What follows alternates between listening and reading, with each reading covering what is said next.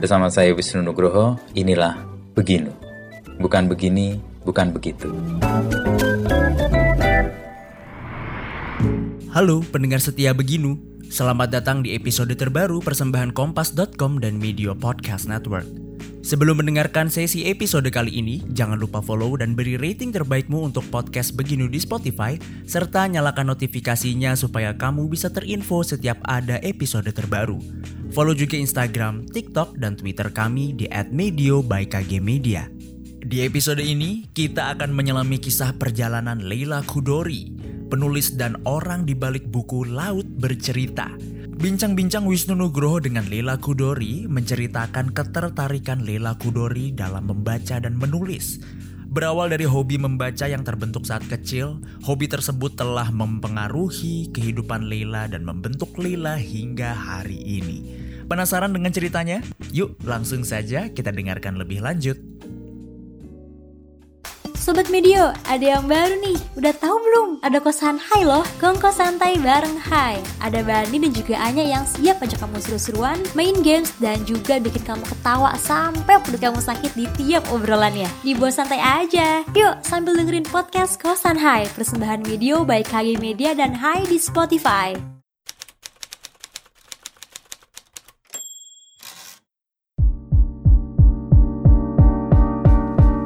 Jadi gimana hmm. Tante Lela sampai akhirnya, ya nggak tahu akhirnya ini pada titik ini kan perjalanan hmm. panjang ya? Iya, hmm. uh, dari awalnya nih ya. awalnya. ya. Uh, sebenarnya sih generasi saya, generasi yang lahir tahun 60-an dan lahir tahun 70-an seperti Betul. Mas Ino juga, itu kan dulu kita nggak banyak hiburan, ya, ya kan? Nggak uh, TV dulu cuma satu, mm-hmm. Uh, TVRI.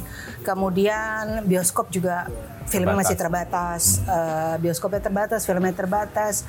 Jadi mau nggak mau generasi saya tuh memang generasi pembaca hmm. gitu. Mereka pasti saya dan kawan-kawan sekelas saya uh, itu biasanya satu kita punya banyak les uh, kegiatan uh, yang sekarang disebutnya ekskul. Hmm. Tapi kalau kami melakukannya sendiri, artinya kita yang sendiri ngambil les ini, les itu gitu ya. ya. Kedua, betul. Kedua uh, kita uh, banyak membaca gitu. Jadi saya dari kecil memang sudah dibiasakan membaca oleh orang tua saya. Kita bertiga ya, saya dan kakak-kakak saya dan sepupu-sepupu saya tuh semua kalau udah ketemu pasti ngomongin Bacaan. komik. Ah komik. Dan yang waktu itu lagi hit itu komiknya era Kosasi ah, uh, Mahabharata, Mahabharata.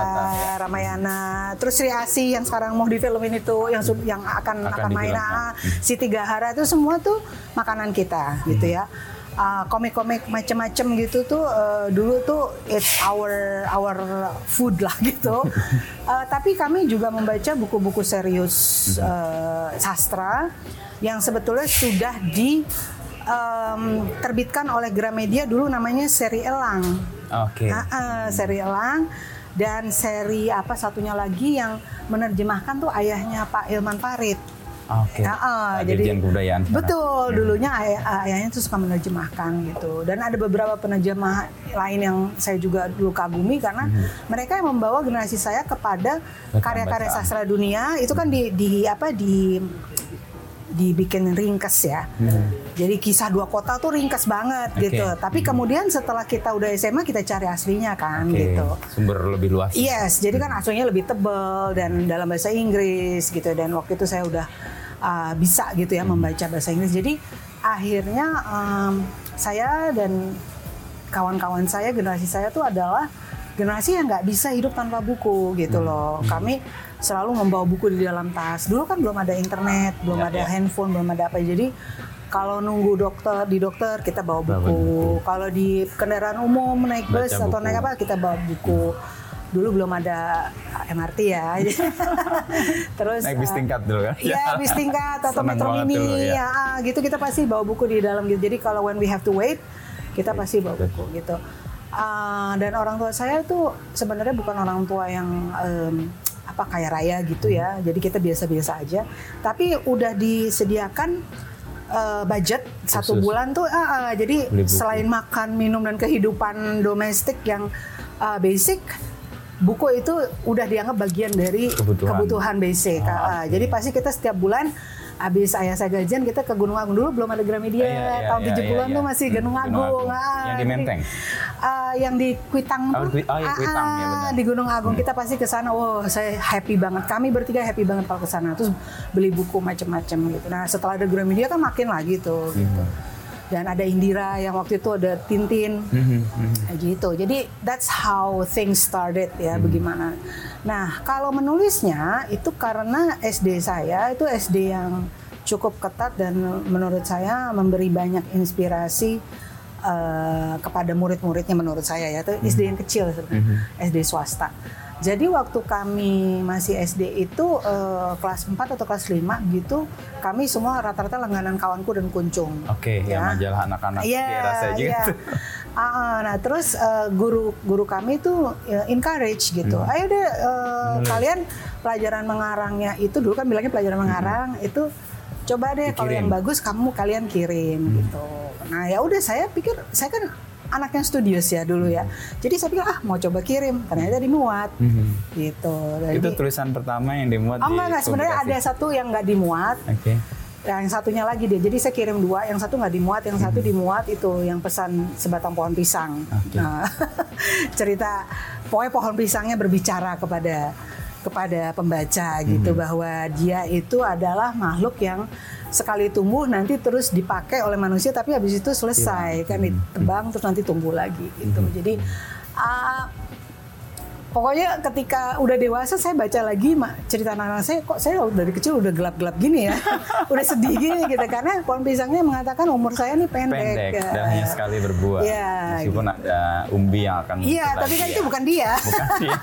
jadi Iya. jadi saya nanti selesai nanti akan ada pengganti saya. Hmm. Kira-kira gitu. Tapi I- tentu saya nulisnya nggak sefilosof, nggak sefilosofis itu ya. Saya hanya mengatakan bahwa uh, kalian pakai daun saya, pakai batang saya, pakai buah. dan buah saya. Tapi setelah selesai saya berbuah, I'm gone gitu. Saya selesai dan nanti kalian akan mengambil uh, anak-anak saya gitu. gitu. Terus saya sih waktu itu merasa ini aja gitu nulisnya asik-asik aja dipakai mesin tik bapak saya tapi itu pas sudah dewasa saya baca "Ini masih kecil kok udah Udah dark ya. ah udah nggak enak banget ya ini gitu mulainya dari situ Tapi eh, bisa dikoneksikan bahwa kemampuan Mbak Leila menulis itu bekalnya adalah karena banyak membaca ya. menurut itu saya kayaknya Iya, korelatif ya. menurut saya eh, orang yang menulis itu mau nggak mau harus eh, banyak membaca itu udah satu keping dengan dua sisi gitu. Nggak bisa nggak bisa kita menulis tanpa senang membaca tuh menurut saya sulit. Uh, after uh, setelah saya dewasa ya setelah saya kuliah uh, saya percaya sekali apa yang dikatakan nama Noam Chomsky. Dia kan ahli linguis Ya, sebenarnya ya. bukan politik ya tapi dia Bahasa, he ya. became a political analyst ya. Tapi awalnya dia tuh kan lebih dikenal sebagai linguis. Dan dia kan pernah mengatakan bahwa kita mempunyai semacam kayak uh, apa ya map uh, brain Memori, ah, ah, me- ah, jadi kalau kita membaca itu terus ada seperti Mapnya terus. direkam gitu. Nah eh, rekaman itulah yang menurut saya saya setuju banget yang yang akan membuat kita mampu menyusun kalimat baik verbal maupun eh, secara tulis gitu ya pelan-pelan tentu saja Ya, gitu ya. ya karena harus latihan yang namanya menulis kan harus banyak latihan ya. Nah, saya percaya betul orang-orang yang banyak membaca itu akan jauh lebih fasih dalam menulis atau bicara kalau dia latih dibandingkan orang yang kurang membaca. Hmm, hmm. Lalu tahapan untuk Mbak Leila kemudian kan dari sekolah tadi ya SD lalu ketemu dengan profesinya ada rentang yang agak panjang juga. Hmm. Di- Iya, saya kan saya saya ini angkatan yang eh, percaya di masa lalu itu eh, apa profesi itu yang yang dulu kita kenal tuh cuman dokter, insinyur, sama Pengacara. pengacara, Iya, Iya kan? itu- itu Ah, profesi yang Iya, profesional, iya, kode iya. etiknya itu. Kalau kayak bapak saya wartawan kita, Oke. "Hmm, oke gitu kan ya. Jadi eh, biasanya anak-anak eh, generasi saya itu selalu menjawabnya itu mau jadi apa dokter Hmm. Dokter. atau insinyur Atau tentara dulu. oh Banyak ada juga yang tentara. iya iya iya. Ada. Tapi it's always those three ya. Hmm. Jadi eh, saya termasuk yang kepengen jadi dokter dulu emang masih Oke. kecil ya mikirnya dokter dah. jadi eh, karena itu saya benar-benar fokusnya masuk IPA. Mhm. Kan dulu kan dibagi-bagi Iya, kan. IPA. Dari, dari memang saya masuk IPA waktu SMP, SMA tuh masuk IPA. Jadi fokus saya benar-benar matematika, Dokter, fisika, dokter. chemistry, ah, ah, chemistry, bio- biologi lah, udah deh yang begitu-begitu. Hmm. Meskipun at the same time karena saya senang membaca, saya suka merasa, aduh sayangnya aku nggak ada pelajaran sejarah lagi karena saya di Ah, IPA kan. IPA, ya. Kalau di IPA kan nggak ada pelajaran ada. sejarah lagi. Saya merasa pelajaran bahasa Indonesia juga sedikit, Hmm. terlalu apa sih? terlalu eh, apa minim lah begitu. Karena eh, ya itu IPA belum begitu. IPA, Ah, ah. Jadi saya merasa, wah kalau yang IPS yang enak juga ya mereka belajar sejarah, belajar geografi, Bahasa. ah, ah, bahasa. Anyway, eh, tapi kan kemudian em, saya ikut Sipermaru, saya diterima eh, di FISIP waktu itu, tapi saya juga ikut tes eh, waktu itu dibuka tes untuk ke Kanada, Ah, dan untuk ke, eh, apa beasiswa penuh. Oke. dari eh, apa SIDA dari dari Kanadanya. Dan saya mendapatkan itu kan itu diseleksi dari banyak orang saya mendapatkan itu. Nah ayah saya me- mengatakan waktu saya bilang aduh ini gimana ya saya ter- saya tertarik Fisip masuk oh sama- iya ah, sama itu Eh, terus ayah saya bilang kalau kamu memang belajar political science sebaiknya ambil yang Kanada Hmm. Ah, terus ah, saya bilang kenapa ya karena itu kan masih tahun 82 ya. Ya, ya. Jadi eh, masih orde baru sehingga buku-buku tuh masih di Sangat terbatas. Ya, Disortir lah ya. disortir. Jadi kalau di sana kamu akan bebas sekali membaca apa pun, kamu akan bebas dan wawasan kamu akan lebih luas, kamu akan belajar mandiri. Dan pokoknya ayah saya, wah ini deh. Saya bilang, terus. Iya, dan dia bilang meskipun saya bilang biarpun itu full scholarship kan itu kan tetap nantinya saya mengganggu. Iya kan, saya pasti kadang-kadang akan minta uang. Dia bilang nggak apa-apa, kita kita akan ini. Kamu pergi aja. Ya udah, saya terus terang ragu loh. Hmm. Terus terang saya ragu. Eh, karena jauh loh, Kanada tuh jauh. Iya, iya. Dan kalau mau jujur waktu bulan-bulan pertama saya merasa agak agak agak lost gitu karena bahasa Inggris saya waktu itu eh, dibandingkan Yang yang, lain ya terbatas. eh, eh, termasuk yang yang kurang bagus gitu. Hmm. Tapi kan karena saya I'm the only Indonesian di dalam itu jadi saya mau nggak mau sampai mimpi bahasa Inggris lah gitu ya. Baru lancar. Oh, tapi begitu saya pulang, saya baru ngeh, wah ternyata Apa aku udah yang lancar. Iya, saya udah lancar waktu saya pulang setahun. Saya sempat pulang sebentar, habis itu pergi lagi. Jadi akhirnya eh, ya udah di menurut saya tuh eh, turning point dalam hidup saya tuh adalah Ketika ketika, saya ke itu. Kanada. Oh, political science padahal ya. Eh, dua, saya ngambilnya comparative development studies itu Oke. studi pembangunan negara Negara berkembang, berkembang. Ah, karena saya merasa kita dari negara berkembang. Lalu eh, political science, Mhm. ya, jadi saya ngambil double major Eh, karena ayah saya bilang kamu mau ya- mau apa nantinya, mau ngapain? Saya bilang "Ah, ya karena saya saya kan waktu itu udah menulis ya, udah mulai Mhm. menulis karena saya menulis mungkin eh, ya saya jadi wartawan. Nah kalau jadi wartawan kamu ambil anything humaniora, Oke. jadi sejarah, Jadi dokter lupa ya tadi. Oh lupa, Udah lupa, selesai. udah selesai, goodbye, emang. Ah, ah, goodbye, Oke. Ah, goodbye. Tapi saya tetap selalu eh, apa ya, fascinated sama sama para dokter tuh. Terutama kemarin ini waktu eh, pandemi saya luar biasa. Saya, aduh, saya, saya mikir "Wah, gila kalau gue dulu jadi dokter. Wah ini dedikasinya gila, nah, hebat, Ya, hebat. ya. Anyway, eh, ya itu terus akhirnya eh, itu yang turning point hidup saya tuh Kanada. Yang kedua adalah masuk Tempo. Oke. Gitu. Itu dua itu yang yang yang merupakan yang membentuk saya. Mhm. Keinginan untuk jadi wartawan dan kemudian jadi wartawan Tempo kan akhirnya itu karena pengaruh orang tua yang juga wartawan juga atau ada interaksi Iya, dengan hal ayah saya kan bukan model yang kamu harus jadi ini ya, kamu harus jadi kan enggak, karena Jadi kakak saya ya. kan enggak, kakak saya yang laki-laki kan dia eh, apa dia belajar kehutanan ya, jadi dia eh, apa menginikan hutan lindung gitu ya. Oke, bakat jadi presiden. Siapa? presiden kita Oh. hutan juga. Oh iya iya iya iya. iya. Eh, tadi dia IPB. IPB, Ah, oke. dia IPB. Nah, eh, jadi ayah saya tuh pokoknya benar-benar apa pun yang kamu inginkan silahkan gitu. Wujudkan. Dia tidak pernah me- apa ya menggiring kita ke satu ke satu profesi nggak pernah Ya, nggak ya. pernah.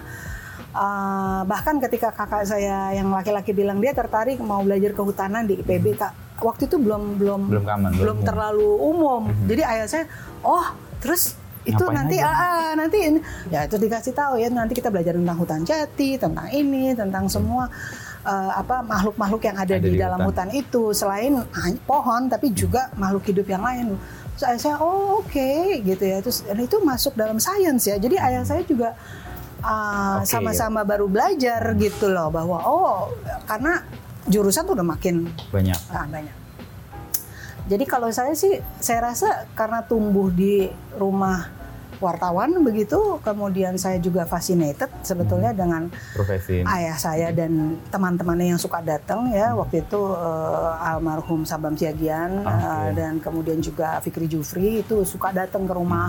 Mereka ngegosip.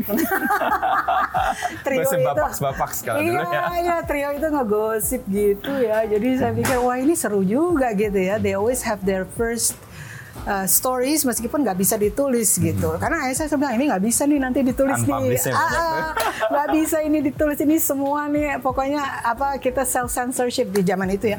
Jadi saya langsung oh kayak gitu ya hidup wartawan di zaman itu gitu. So I was very fascinated. Ah, terlepas saya kepengen jadi dokter ya tapi saya saya melihat eh, orang tua saya bapak saya dan juga Tuti Kakialatu. Tuti, Tuti Kakialatu dari Tempo kan sama-sama eh, sama Om Fikrim dia juga suka datang Ke rumah. ke rumah itu teman orang tua saya semua terus pakai mobil nyetir sendiri gitu pikir, weh keren ya gitu. Ada, ada kan. imajinasi. ah saya saya ngeliat wah gila ibu-ibu malam-malam terus nanti dia gitu. oh, oh dan dia terus nanti ngomongnya sama teman-teman kolega yang laki-laki yang lain gitu eh Fik oh gitu sampai wow aku ya mau nggak mau ada ada semacam eh, apa keinginan gitu masuk ke dalam keasikan itu jadi begitu saya diterima di FISIP dan di eh, di Kanada, Kanada. juga ah, ya saya ya udah saya terus langsung seperti sesuatu yang otomatis saja oke saya ingin jadi wartawan gitu meskipun saya nggak tahu mau wartawan apa Oke. lalu eh, ya ya saya bilang gitu udah kamu belajarnya di sana aja ya emang bener begitu saya lihat perpustakaannya Belajar humaniora. Uh, itu semua yang namanya Ruth McVeigh sama Ben Anderson tuh pertama kali saya baca di sana. Everything about 65, 65, hal-hal yang nggak boleh dibaca di sini saya baca semua di sana gitu. Dan saya baru berkenalan dengan kegiatan Amnesty Internasional itu juga di sana. Iyalah di mana di Indonesia belum nggak mau ada. Jadi saya tercengang gitu loh. Em, ada sedikit sedih gitu karena baru mengetahui bahwa oh Indonesia tuh begini gitu. Ah, karena saya membaca banyak literatur berbagai hal eh, yang terjadi gitu di Indonesia yang tidak bisa ditulis oleh media di Indonesia saat itu di tahun 70-an 80-an. Nah, di situ benar-benar membuka mata saya. Itu kalau ketahuan subversif itu. ya, anak sekarang mungkin nggak tahu subversif itu apa. Oh iya iya mereka nggak tahu mereka udah bebas banget ngomong kan. Oke, iya. Iya. Lalu kemudian situ ke Tempo dan awal-awal Ya saya pulang dulu, tugas. terus saya pulang tahun 88. Kemudian seperti saya sering cerita di waktu ya, ketika saya menulis novel pulang, saya kan pulangnya eh, melalui Eropa. Eh, karena saya nggak tahu bahwa saya akan bisa keluar negeri lagi apa enggak kan. Oh, lah jalan, oh, jadi traveling. saya bilang sama eh, ini yang memberi beasiswa ya, eh, Mhm. boleh nggak saya pulangnya lewat Eropa? Biasanya kan lewat Pasifik, Pasifik, ya, ah, Pasifik. jadi Hong Kong Atau atau, Jepang, Jepang, ya. terus Jakarta. Nah, nah, dulu nam- apa lewat Cathay Pacific atau lewat eh, Japan Airlines ya. Jadi Nah, terus saya bilang boleh nggak saya Lewat Eropa." Eropa karena saya pengen pengen eh, ke Eropa saya ada saudara di sana saya bisa Datangi. berhenti di Belanda nanti terus saya keliling ada yang namanya Eurorail dulu. Iya, iya. Nah, dulu jadi masih belum euro, duitnya masih masing-masing tuh. Ah, ah. Jerman mark. Yes, Ya, ya, yes. ya, ya, ah, ya. ah. Hmm. Terus Fran- Prancis masih uh, Fran- Jadi eh, mereka bilang oke, Hmm. bedanya nggak banyak, nggak nggak ini dan lagi pula sering banyak tiket murah gitu ya. Oke. Udah, jadi saya di dibeliin, nah, dibeliin tiket eh, Eropa. terus nanti pulang. Ya udah saya keliling di sana sama teman-teman beberapa teman yang European sama beberapa teman yang Asia kita keliling. Nah di situ pertemuan pertama saya dengan eh, apa Exile. dengan para exile di Paris gitu. Oh, That was itu ya? ya karena kita rame-rame masuk ke restoran itu dan si uh, Pak Pak Umar itu pada ini kayak orang Indonesia kelihatan gitu saya Indonesia kelihatan. kan yang lain-lainnya kan European Iya, ada iya. orang Prancis ada orang India teman saya ada orang terus ini kelihatan nah, terus ditegur Oh, saya disamperin. iya dia dia, dia cuman kamu orang Indonesia langsung loh dia pakai bahasa Indonesia terus saya bilang oh iya pak gitu lah ternyata kenal bapak saya Oh pastilah Nah, di era oh itu. udah akhirnya kita ngobrol dan dari situ tersimpan aja saya nggak langsung pikir mau nulis gitu Hmm. tapi saya baru mengetahui oh ada ya Excel gitu Hmm. ya di tahun 88 itu. Terus eh, Pak Umar bilang oh banyak belasan ribu. Kan udah dengan keturunannya dengan Ya, ya. bukan hanya di Paris ada di Belanda ada di di seluruh Eropa tuh tersebar juga ada di Kuba dan di Cina. Saya oh gitu. Nah di situ saya menyimpan cerita itu kemudian pulang saya cerita sama ayah saya terus saya bilang oh lo kenal lah wah gitu Saya ketemu Pak Umar saya 2007 atau 2009. ya beliau meninggalnya 2008 Ya, 2007 berarti. berarti ya? 2007 ha. Ah, Pas ke Prancis dulu juga. Hmm. Ke restoran Indonesia itu. Iya, iya, iya. Dan itu emang waktu pelajar atau kuliah itu kan Ah. baca-baca Hmm. soal ya kiri dan sebagainya. Dan dulu kan sering kirim newsletter ya. Era sering. itu Ah. ya. Saya terpapar Dan juga karena itu. udah sebagai orang yang sepuh ngerti loh email. Iya persis dan sangat Iya, sementara ayah saya nggak bisa tuh. Masih pakai mesin tik gitu. Mungkin karena cara itu yang paling memungkinkan untuk dia berkomunikasi dengan Iya, orang lain betul yang ada betul. di Jadi saya kagum, wah gila bisa ngirim email gitu. Dan dia nanya-nanya terus, novelnya kapan? Novelnya kapan? Terus Eropa, jadi itu kayak kumpulan ya Mbak Lela di Kanada belajar soal Indonesia 65 Iya, dan sebagainya. iya, di situ iya. ketemu Excel yang Iya. be- mengalami langsung. gitu. Terus ke Indonesia. Ya, terus saya me- meminta, saya ngomong sama orang tua saya, saya belum bisa full time kerja karena mau mengumpulkan cerpen-cerpen saya yang selama ini Ah, saya oke. tulis. Mhm. Jadi eh, terus ya mereka bilang ya oke tapi kamu harus cari cari your own Penghidupan. eh, iya oke tinggal di sini kan ya ayah orang tua saya rada-rada kayak barat itu ya Oke. sedikit kayak barat bagiannya jadi sure Memberi tinggal di sini oke Ya, gitu oke. tapi kamu harus cari uang ini sendiri Mandiri apa ya. uang uang apa uang saku gitu ya. Hmm. mati aja gue nih gitu kan. Akhirnya ya saya sempat sambil saya me- me- apa mengumpulkan cerpen-cerpen saya dan saya rewrite lagi dan sebagainya kan itu kan udah lama, Lama. Ah, yang ada di, di Moti Kompas di Horizon itu saya kumpulkan lagi. Ah, lalu saya part time gitu di Jakarta Jakarta dulu kan ada Oke, ada majalahnya majalah. Gramedia namanya Jakarta Jakarta sebentar gitu ya part time selesai ini selesai eh, kumpulan cerpen selesai udah udah terbit terus saya masuk Tempo. Itu eh, 89 89. jadi saya tuh di rumah 88 ngerjain itu eh, ya nggak nyampe setahun lah gitu Lalu kemudian ke Tempo. Ya, saya masuk Tempo tuh sekitar April atau Mei 89 kayaknya saya lupa. Ya. Terus ya udah waktu masuk itu eh, apa saya udah disampaikan oleh para eh, pemimpin eh, "Lel, k- kamu tuh bisa nulis, kamu tuh penulis, tapi eh, ini kan Tempo sudah ber- apa udah rapih gitu Ya, strukturnya. Jadi kamu harus dari dari Nol bawah dari ngikutin awal. Ah, bahwa nanti kamu karena ternyata bisa nulis kan nanti itu kan bisa naiknya Kelihatan. cepat sendiri. Ah, ah. tapi kamu you have to start. Saya bilang lo emang maunya begitu karena Oke. bapak saya bilang kalau kamu mau belajar jadi wartawan belajarlah di tempat yang strukturnya udah, Udah jadi- jelas, sistem penilaiannya udah jelas. Jadi masuk ke tempat seperti Tempo atau Kompas yang udah udah ada gitu loh strukturnya. Jadi jangan yang baru gitu, jangan jangan ke ke media yang masih baru. Kalau kamu udah punya modal, baru kamu ke media-media yang baru, kamu Atau ikut media, membangun. Mbak. Ya. Ah, ya kamu ikut membangun. Tapi kalau sekarang karena saya masih istilah dulu hijau, kalau sekarang hijau udah lain lagi tuh artinya. Yesterday afternoon gitu ya. Kemarin, Kemarin sore. sore. Tapi kalau sekarang tuh kalau hijau dikirain environmental. Oh iya. Beda. Beda banget. Konsep beda warnanya Iya, beda hijau. banget. Nah, karena saya anak kemarin sore, jadi benar-benar udah masuk tempo lu dari zero ya. Iya, saya bilang emang saya mau belajar reporting karena saya taunya menulis aja, saya nggak tahu reporting. Ya udah, saya benar-benar disuruh re- apa? Dari nol ya. Oh, wawancara apa dulu radius prawiro lah Hmm. gue wah ya, nggak tahu ekonomi langsung jepret tuh kalau wawancara radius prawiro wawancara macam-macam bahkan di tahun pertama sebelum ah baru berapa bulan udah langsung oke kamu wawancara oke Korea Aquino what Oh, di Filipina ya. halo like I'm still new here gitu kan wow udah tapi dapat cuman maksudnya em, apa ya ditantang terus, ditantang Hmm. terus. Bisa ndak gitu. Mas Mas Bambang Pujono bisa ndak Bisa gitu. Ya masa kita bilang nggak bisa kan Iya, nggak enak gitu. Saya bilang, ya saya coba Mas. Ya sudah, tapi kalau nyerah bilang saja. Waduh. Pokoknya nggak kalau kita untuk untuk menolak tuh udah nggak bi- udah nggak nggak boleh nggak mungkin juga nggak boleh kalau di tempo nggak boleh nolak. Iya. Ya udah jadi kita di saya dicecar banget, gitu. ah, di drill banget.